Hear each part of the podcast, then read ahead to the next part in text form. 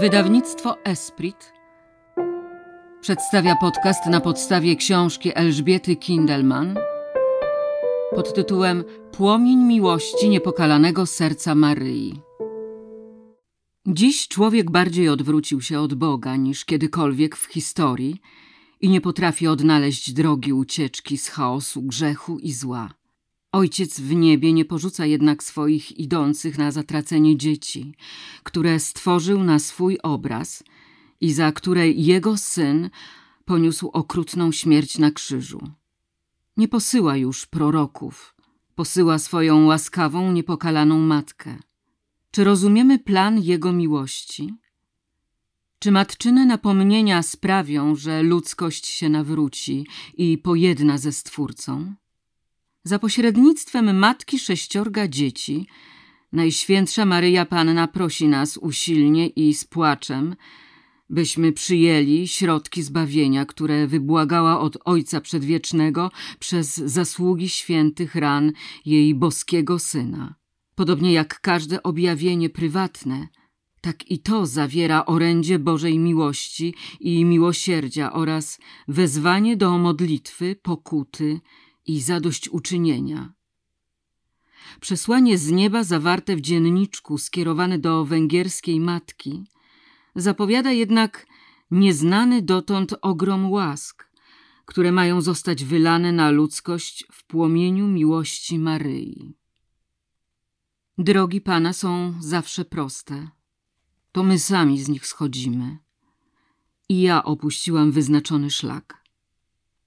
Ciężka praca, nadmiar trosk i kłopotów wdowiego życia odbierały siły mojej duszy, osłabiały ją, na czym cierpiała także moja wewnętrzna postawa. W ten oto sposób stopniowo oddalałam się od Boga.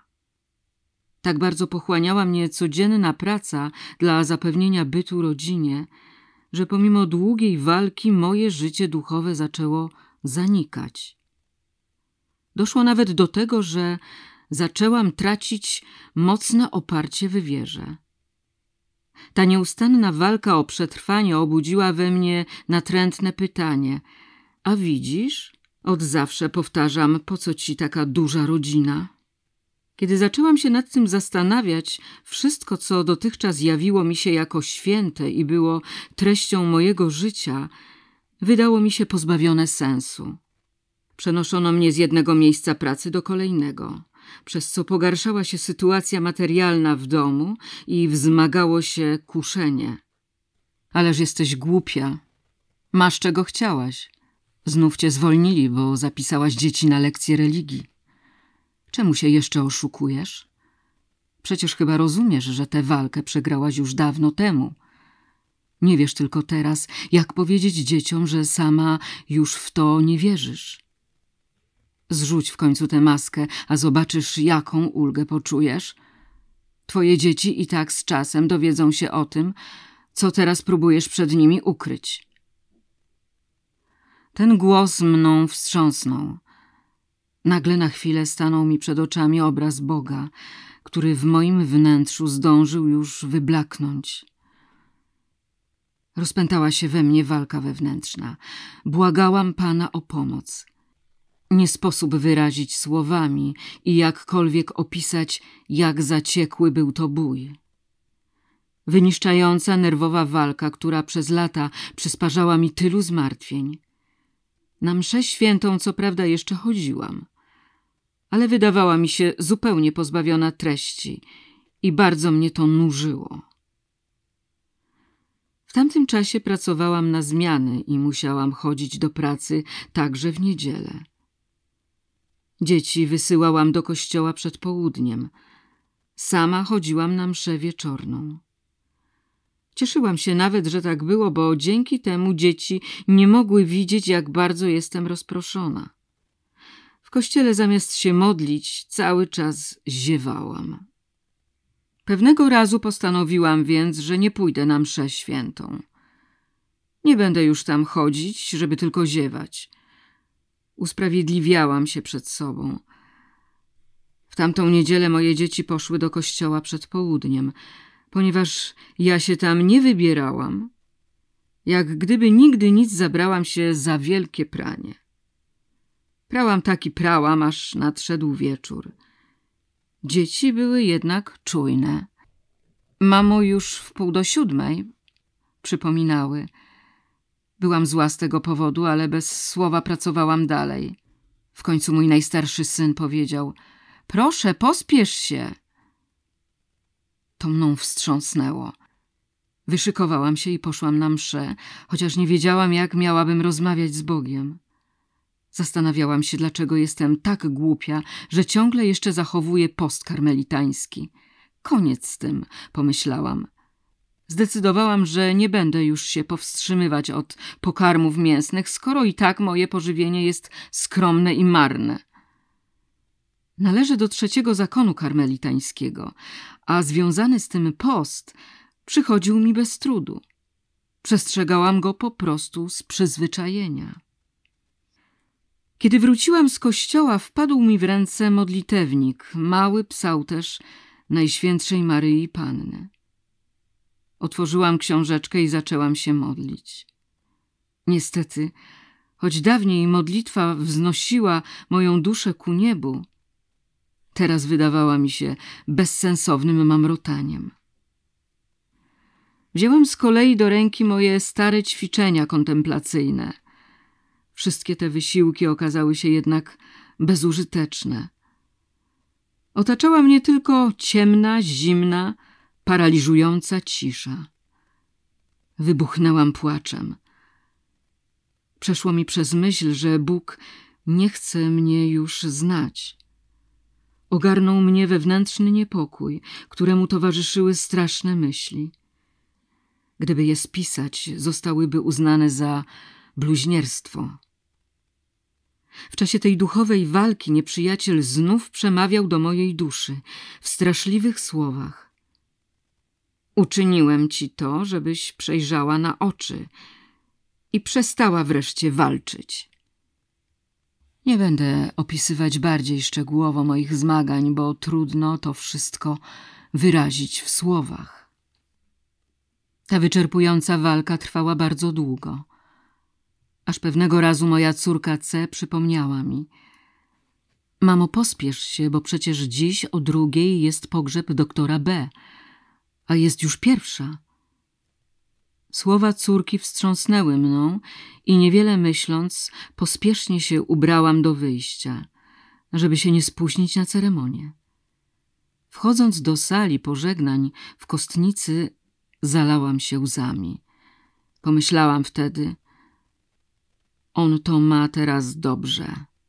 Był przecież prawdziwym, przykładnym, prawie świątobliwym świeckim karmelitą. A ja? Czy ja mogę pójść tam, gdzie on? Nie płacz, usłyszałam nagle łagodny głos, jakim mogą przemawiać tylko święci w niebie. Wracaj do Karmelu. Następny dzień to była niedziela. 16 lipca. Wspomnienie Najświętszej Maryi Panny z Góry Karmel i nasz odpust parafialny. Z samego rana poszłam do kościoła i zostałam tam do późnego wieczora. Z duszą na ramieniu zbliżyłam się do konfesjonału. Moją duszę wypełniała niewiarygodna oschłość. Nie czułam żadnego żalu, a zadaną pokutę odprawiałam mechanicznie. Zwróciło jednak moją uwagę to, jak wielu wiernych tego dnia oddawało cześć Najświętszej Dziewicy. Mnie samej nie przyszło do głowy, żeby to teraz robić. Dumałam ciągle o zmarłym B, a to nieco łagodziło ból mojej duszy. To on w końcu pokierował moje kroki do Maryi. Idź, padnij przed nią na kolana, pomyślałam. Poszłam więc ze wszystkimi, ale słowa, które chciałam jej powiedzieć, nie przeszły mi przez gardło. Nadal nie odczuwałam skruchy. Wróciłam do domu późnym wieczorem. Tu ogarnęło mnie przedziwne uczucie, jakbym w karmelu zostawiła swoją umęczoną duszę. Choć tego dnia kolacja była moim pierwszym posiłkiem, Zmuszałam się, żeby zaspokoić głód. Nieprzyjaciel znów się przy mnie znalazł. Po co te bzdury? Po co to wszystko? Wypocznij porządnie, zapomnij o głupotach, a potem wracaj do swoich codziennych obowiązków. Z ciężkim sercem poszłam do ogrodu, gdzie w ten cichy, letni wieczór popłynęły mi z oczu niepowstrzymane strugi łez. Pod gwieździstym niebem zatopiłam się w głębokim oddaniu Bogu przed figurą Matki Bożej z Lourdes i zaczęłam się modlić. Następnego ranka pobiegłam do pobliskiej kaplicy, dokąd wybierałam się często jeszcze jako młoda dziewczyna. Tam też spotykałam przy ołtarzu pańskim doktora B. Wspomnienie jego postawy nie opuszczało mnie. Po drodze napotkałam kilkoro dawnych znajomych, którzy chwalili mnie jako wzorową młodą matkę. Poczułam się nieswojo. Przeczuwałam, że zły znowu chce mnie kusić do pychy. W głębi serca błagałam Maryję o pomoc. Moja niebieska matko, nie zostawiaj mnie. Nigdy więcej nie chcę być już Tobie niewierną. Podtrzymuj mnie. Boję się samej siebie. Moje kroki są takie niepewne. Podczas mszy świętej nieustannie prosiłam Jezusa. O Panie, przebacz mi moje grzechy.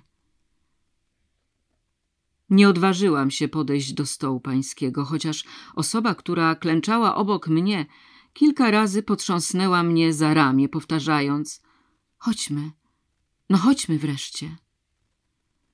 W tych dniach otrzymałam wyjątkowe łaski, jakie Pan daje wyłącznie słabym duszom, dopiero zdrowiejącym. Pewna klęcząca obok mnie siostra powiedziała do mnie – Klęczę obok ciebie, abym i ja stała się święta. Ach, widziała i czuła we mnie obecność Pana Jezusa. Miłość do Jezusa napełniła mi oczy łzami skruchy. Nie chciałam już oglądać się na świat. Szukałam tylko samotności i ciszy, aby usłyszeć słowa Pana, który odtąd zaczął do mnie mówić. W mojej duszy rozpoczęły się intymne rozmowy. Ach, jakież one są proste. Poprosiłam Pana, by pozwolił mi się w sobie całkowicie zanurzyć. O tę samą łaskę błagałam dla moich dzieci. O tak, prosiłam Go, by je do siebie przyciągnął. Obiecał mi to, zapewniając, że będzie spełniał moje prośby, o ile tylko będę wytrwale je do Niego zanosiła. Kiedy tak z wielkim nabożeństwem adorowałam Jezusa, zły powiedział do mnie – wierzysz w Jego moc? Gdyby ją miał, uczyniłby to, bo i jemu byłoby to miłe. Jakiż straszny cios. Moje serce było ściśnięte, umysł zaćmiony. Wtedy przed oczami duszy zobaczyłam udręczone oblicze mojego Pana. Spójrz na moją udręczoną twarz, na umęczone ciało, powiedział. Czy nie cierpiałem po to, by odkupić duszę? Wierz mi i oddawaj mi cześć. Wzbudziłam w sobie akty wiary, nadziei i miłości – prosząc Pana, aby nie pozwoliłbym kiedykolwiek go opuściła. Prosiłam, aby mnie przywiązał do swoich świętych stóp, mocno i ściśle, bym zawsze przy nim była, bo tylko wtedy będę się czuła bezpieczna. Jezus zażądał jednak, abym zaparła się siebie, bo jestem bardzo rozproszona i zanurzona w świecie. Starałam się to robić ze wszystkich sił. Wszystko wokół mnie układało się tak, żeby Pan coraz bardziej wypełniał moje życie. Umacniał przy tym moją gorliwość. Dam Ci wielkie łaski, ale ćwicz się w wyrzeczeniach, powtarzał. Te słowa przekraczały mój umysł, dlatego zapytałam go, czy będę do tego zdolna? Musisz tylko chcieć, Resztę pozostaw mnie, odpowiedział. Długo ze sobą walczyłam, ale wreszcie Pan dał mi światło i zaczął mnie prowadzić krok po kroku. W rodzinie musiałam znosić kolejne wyrzeczenia. Dopóki mieszkałam z najmłodszym synem, słowo wyrzeczenie było dla mnie pozbawione znaczenia i sensu. W mieszkaniu musiałam zadowalać się coraz mniejszą powierzchnią, aby zrobić miejsce dla swoich synów, którzy kolejno zakładali rodziny. Przychodziło mi to z trudem, bo nasze czteropokojowe mieszkanie i tak już podzieliłam między wiele osób. Została mi już tylko jadalnia, ale w końcu i z niej z ciężkim sercem zrezygnowałam.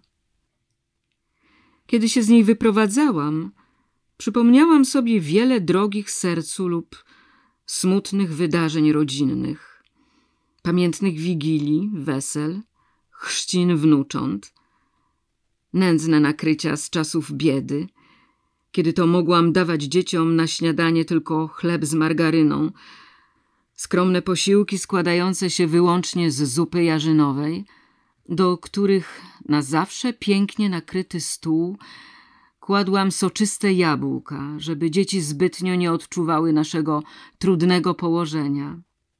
Krzątałam się wśród nich na zewnątrz wesoła, ale wewnątrz pełna niepokoju i wielkiej troski o to, jak moje dzieci muszą się odżywiać.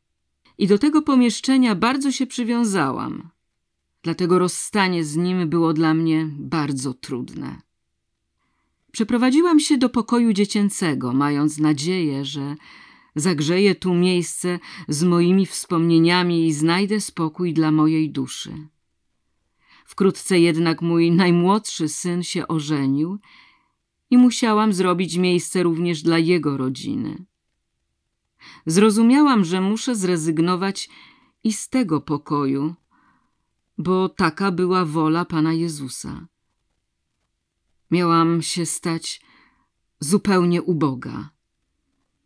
Przed oczami mojej duszy przewijały się obrazy nocy spędzonych przy łóżkach chorych dzieci oraz szalonych dziecięcych zabaw, wspólnej modlitwy wieczornej, pamiętnych przemówień i wielu innych. Wyrzeknij się wszystkiego, zupełnie wszystkiego. Słyszałam w duszy przynaglenie Pana. Zgodziłam się. Podzieliłam wszystko między dzieci, nic już nie miało dla mnie wiązać się ze światem. Wkrótce zaczęłam jednak uważać, że popełniłam głupstwo. Nie zostało mi bowiem nawet tyle miejsca, bym mogła się położyć. Pan dalej jednak popychał mnie do całkowitego oddania. Wszystko wokół mnie zrobiło się niepewne i smutne. Co miałam teraz z sobą zrobić?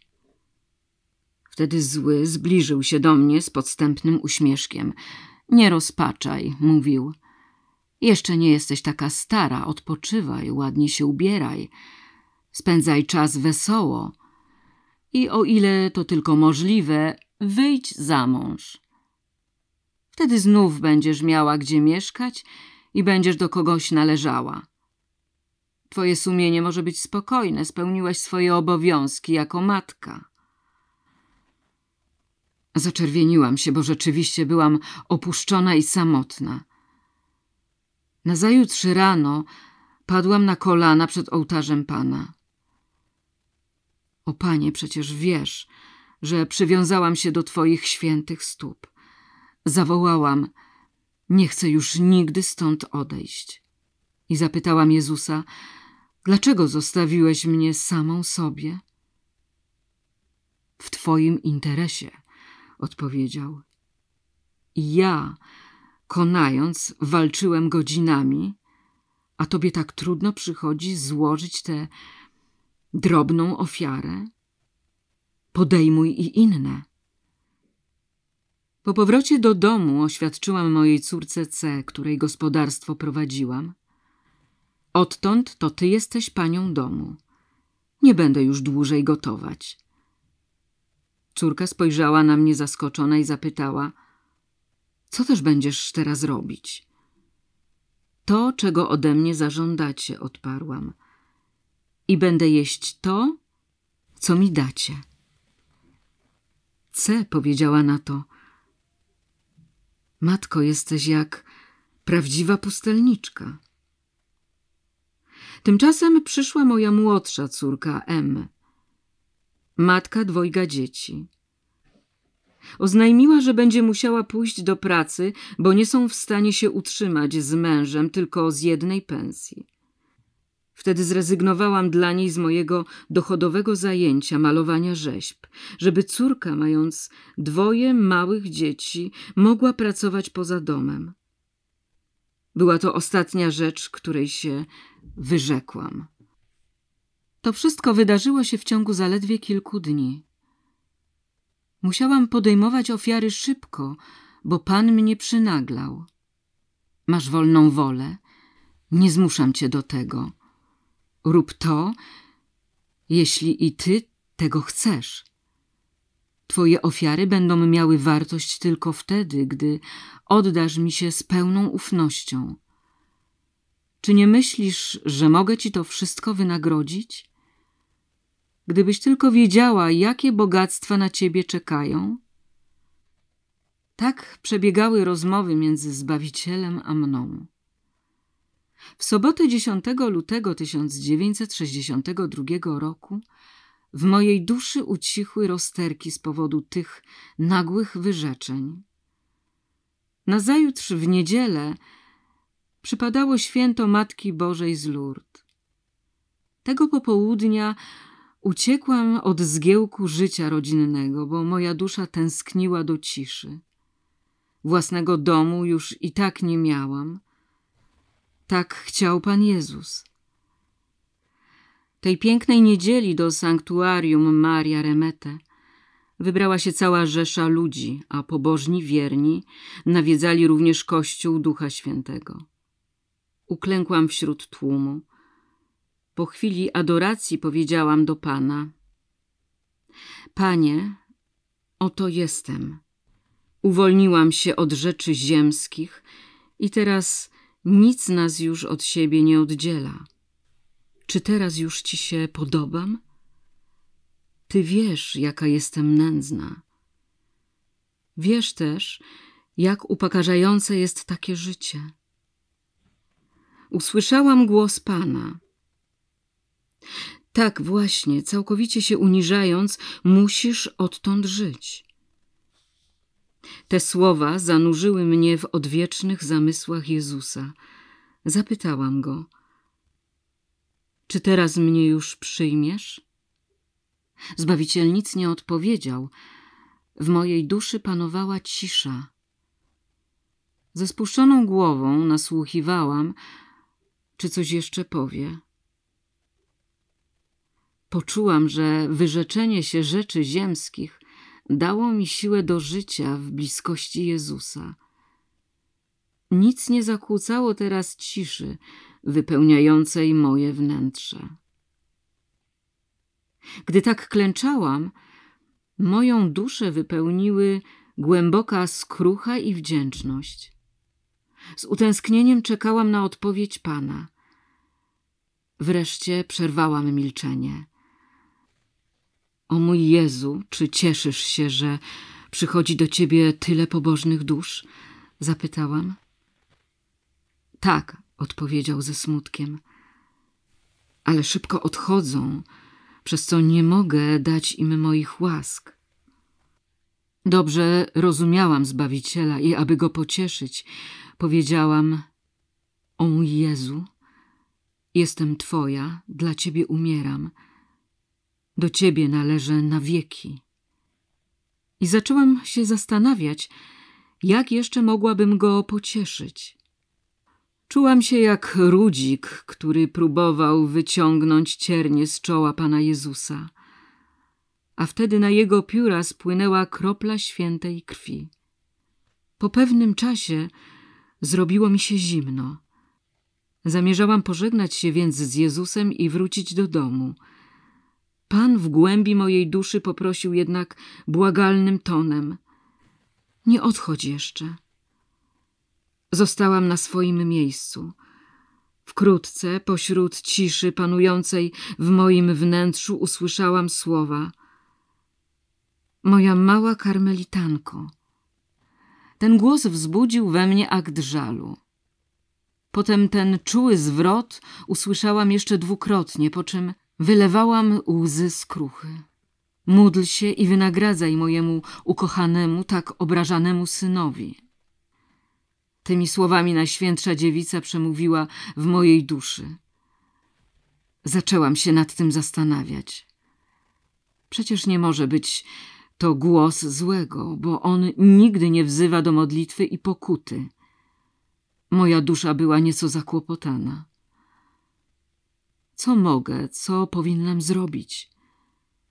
Przez jakiś czas zostałam jeszcze w kościele, nie modliłam się, chciałam tylko uporządkować myśli, ale mój rozum pogrążał się w osobliwym mroku. W drodze do domu prosiłam więc – o niebieska matko, jeżeli to ty żądasz tego ode mnie, to wyprostuj, proszę, moje drogi, do swojego boskiego syna. Myśl ta nie opuszczała mnie również następnego dnia. Podczas mszy świętej błagalnie pytałam Matkę Bożą. O niebieska matko, co mam robić? Bez ciebie jestem taka mała i słaba. Pomóż mi, proszę. Pod koniec mszy opanowała mnie myśl, by poprosić o klucz do domu Bożego, abym miała do niego wstęp w każdej chwili. Zwróciłam się z taką prośbą do siostry zakrystianki, opowiadając jej, w jakich warunkach mieszkam. Zakonnica zdziwiła się, z jakim spokojem o tym mówię. Powiedziała mi, że Samodzielnie nie może decydować o kluczach i potrzebuje zgody księdza proboszcza. Dwa dni później siostra powitała mnie z dobrą nowiną. Wręczyła mi klucz, o który prosiłam. Jeszcze tego samego dnia wybrałam się z nim do kościoła. Kiedy otworzyłam drzwi świątyni, serce zaczęło mi bić mocniej. Poczułam, że Pan Jezus chce ze mną dzielić swój dom, że zamiast mojego daje mi teraz swój na nowe mieszkanie. Dlatego właśnie ten kościół stał mi się tak drogi. Po wejściu przez boczne drzwi stanęłam przed ołtarzem oblubienicy Ducha Świętego i patronki Węgier. Powitałam ją.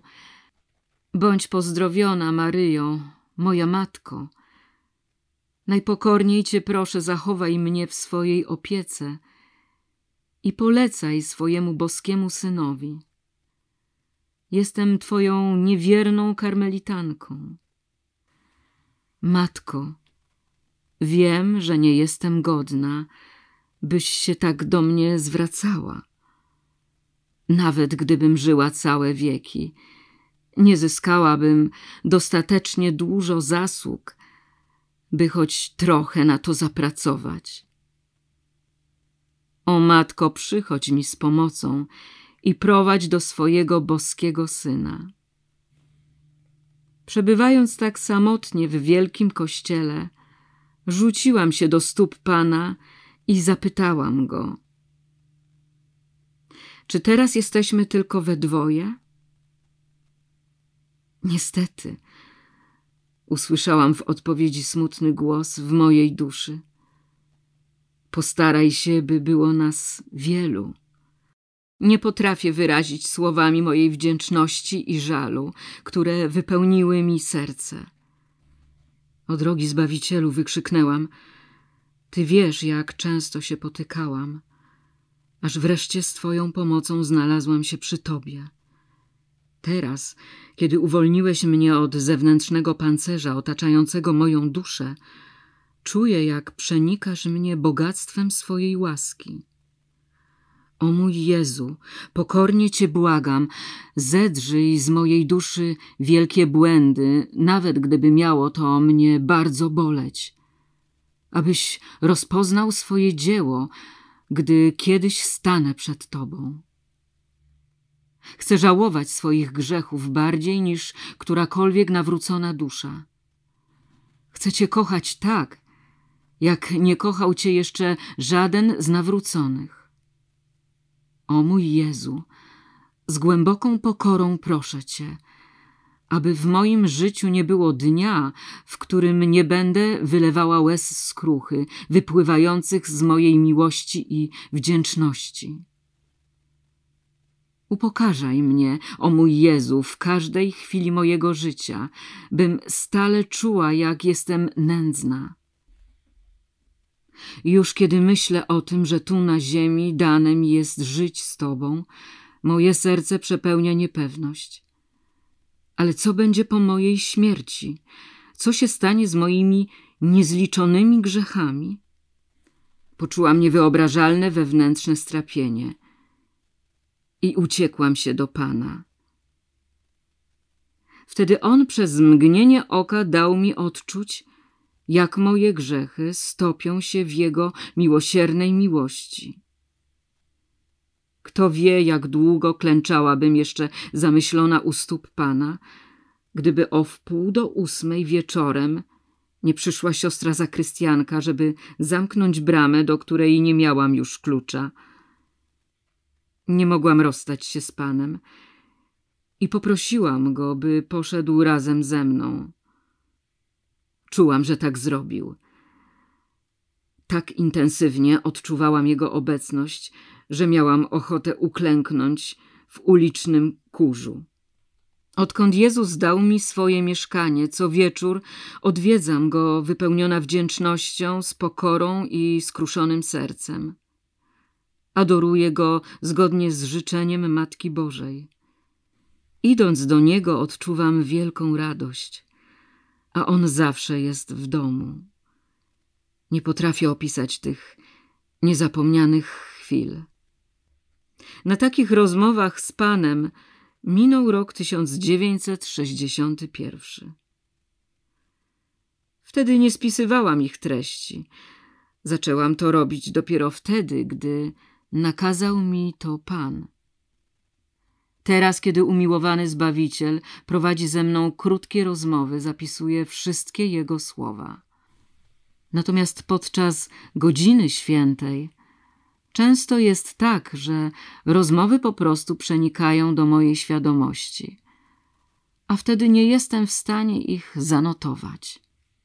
Kiedy podziękowałam Jezusowi za to, że dał mi stałe schronienie, odpowiedział: Moja karmelitanko, i ty daj mi u siebie stałe schronienie. I ty przecież czujesz, że do siebie należymy. Niech twoja miłość nie zna spokoju ani odpoczynku. Pewnego dnia Pan Jezus poprosił mnie, bym w poniedziałki odbywała czuwanie modlitewne za dusze kapłańskie w czyśćcu cierpiące. Innym razem odwiedziłam znajome siostry, w których domu była kaplica. Kiedy się żegnałam, zapomniałam pożegnać się z Panem. Pan Jezus delikatnie wypomniał mi, że byłam wobec Niego nieuważna. Wybacz mi, o mój Jezu, zawołałam, przecież prosiłam Cię, byś zdarł z mojej duszy wszelkie błędy. Pan łagodnie odpowiedział – Musisz mnie kochać dniem i nocą. Raz poprosiłam go, by dał mi odczuć swoją obecność w pełni swojego majestatu i dobroci. Córko, padła odpowiedź, nie proś mnie o to dla siebie. Dostąpi tego dusza, za którą podjęłaś ofiarę, za którą się modliłaś. Wybacz mi, Jezu, jestem taka samolubna, zawołałam w odpowiedzi. Córko, znam Twoją niedoskonałość i nędzę, ale niech nie osłabiają one Twojej gorliwości, lecz raczej pokazują Ci, że z jeszcze większą ufnością powinnaś polegać na mojej miłości. Więcej w książce pod tytułem Płomień miłości niepokalanego serca Maryi. Wydawnictwo Esprit.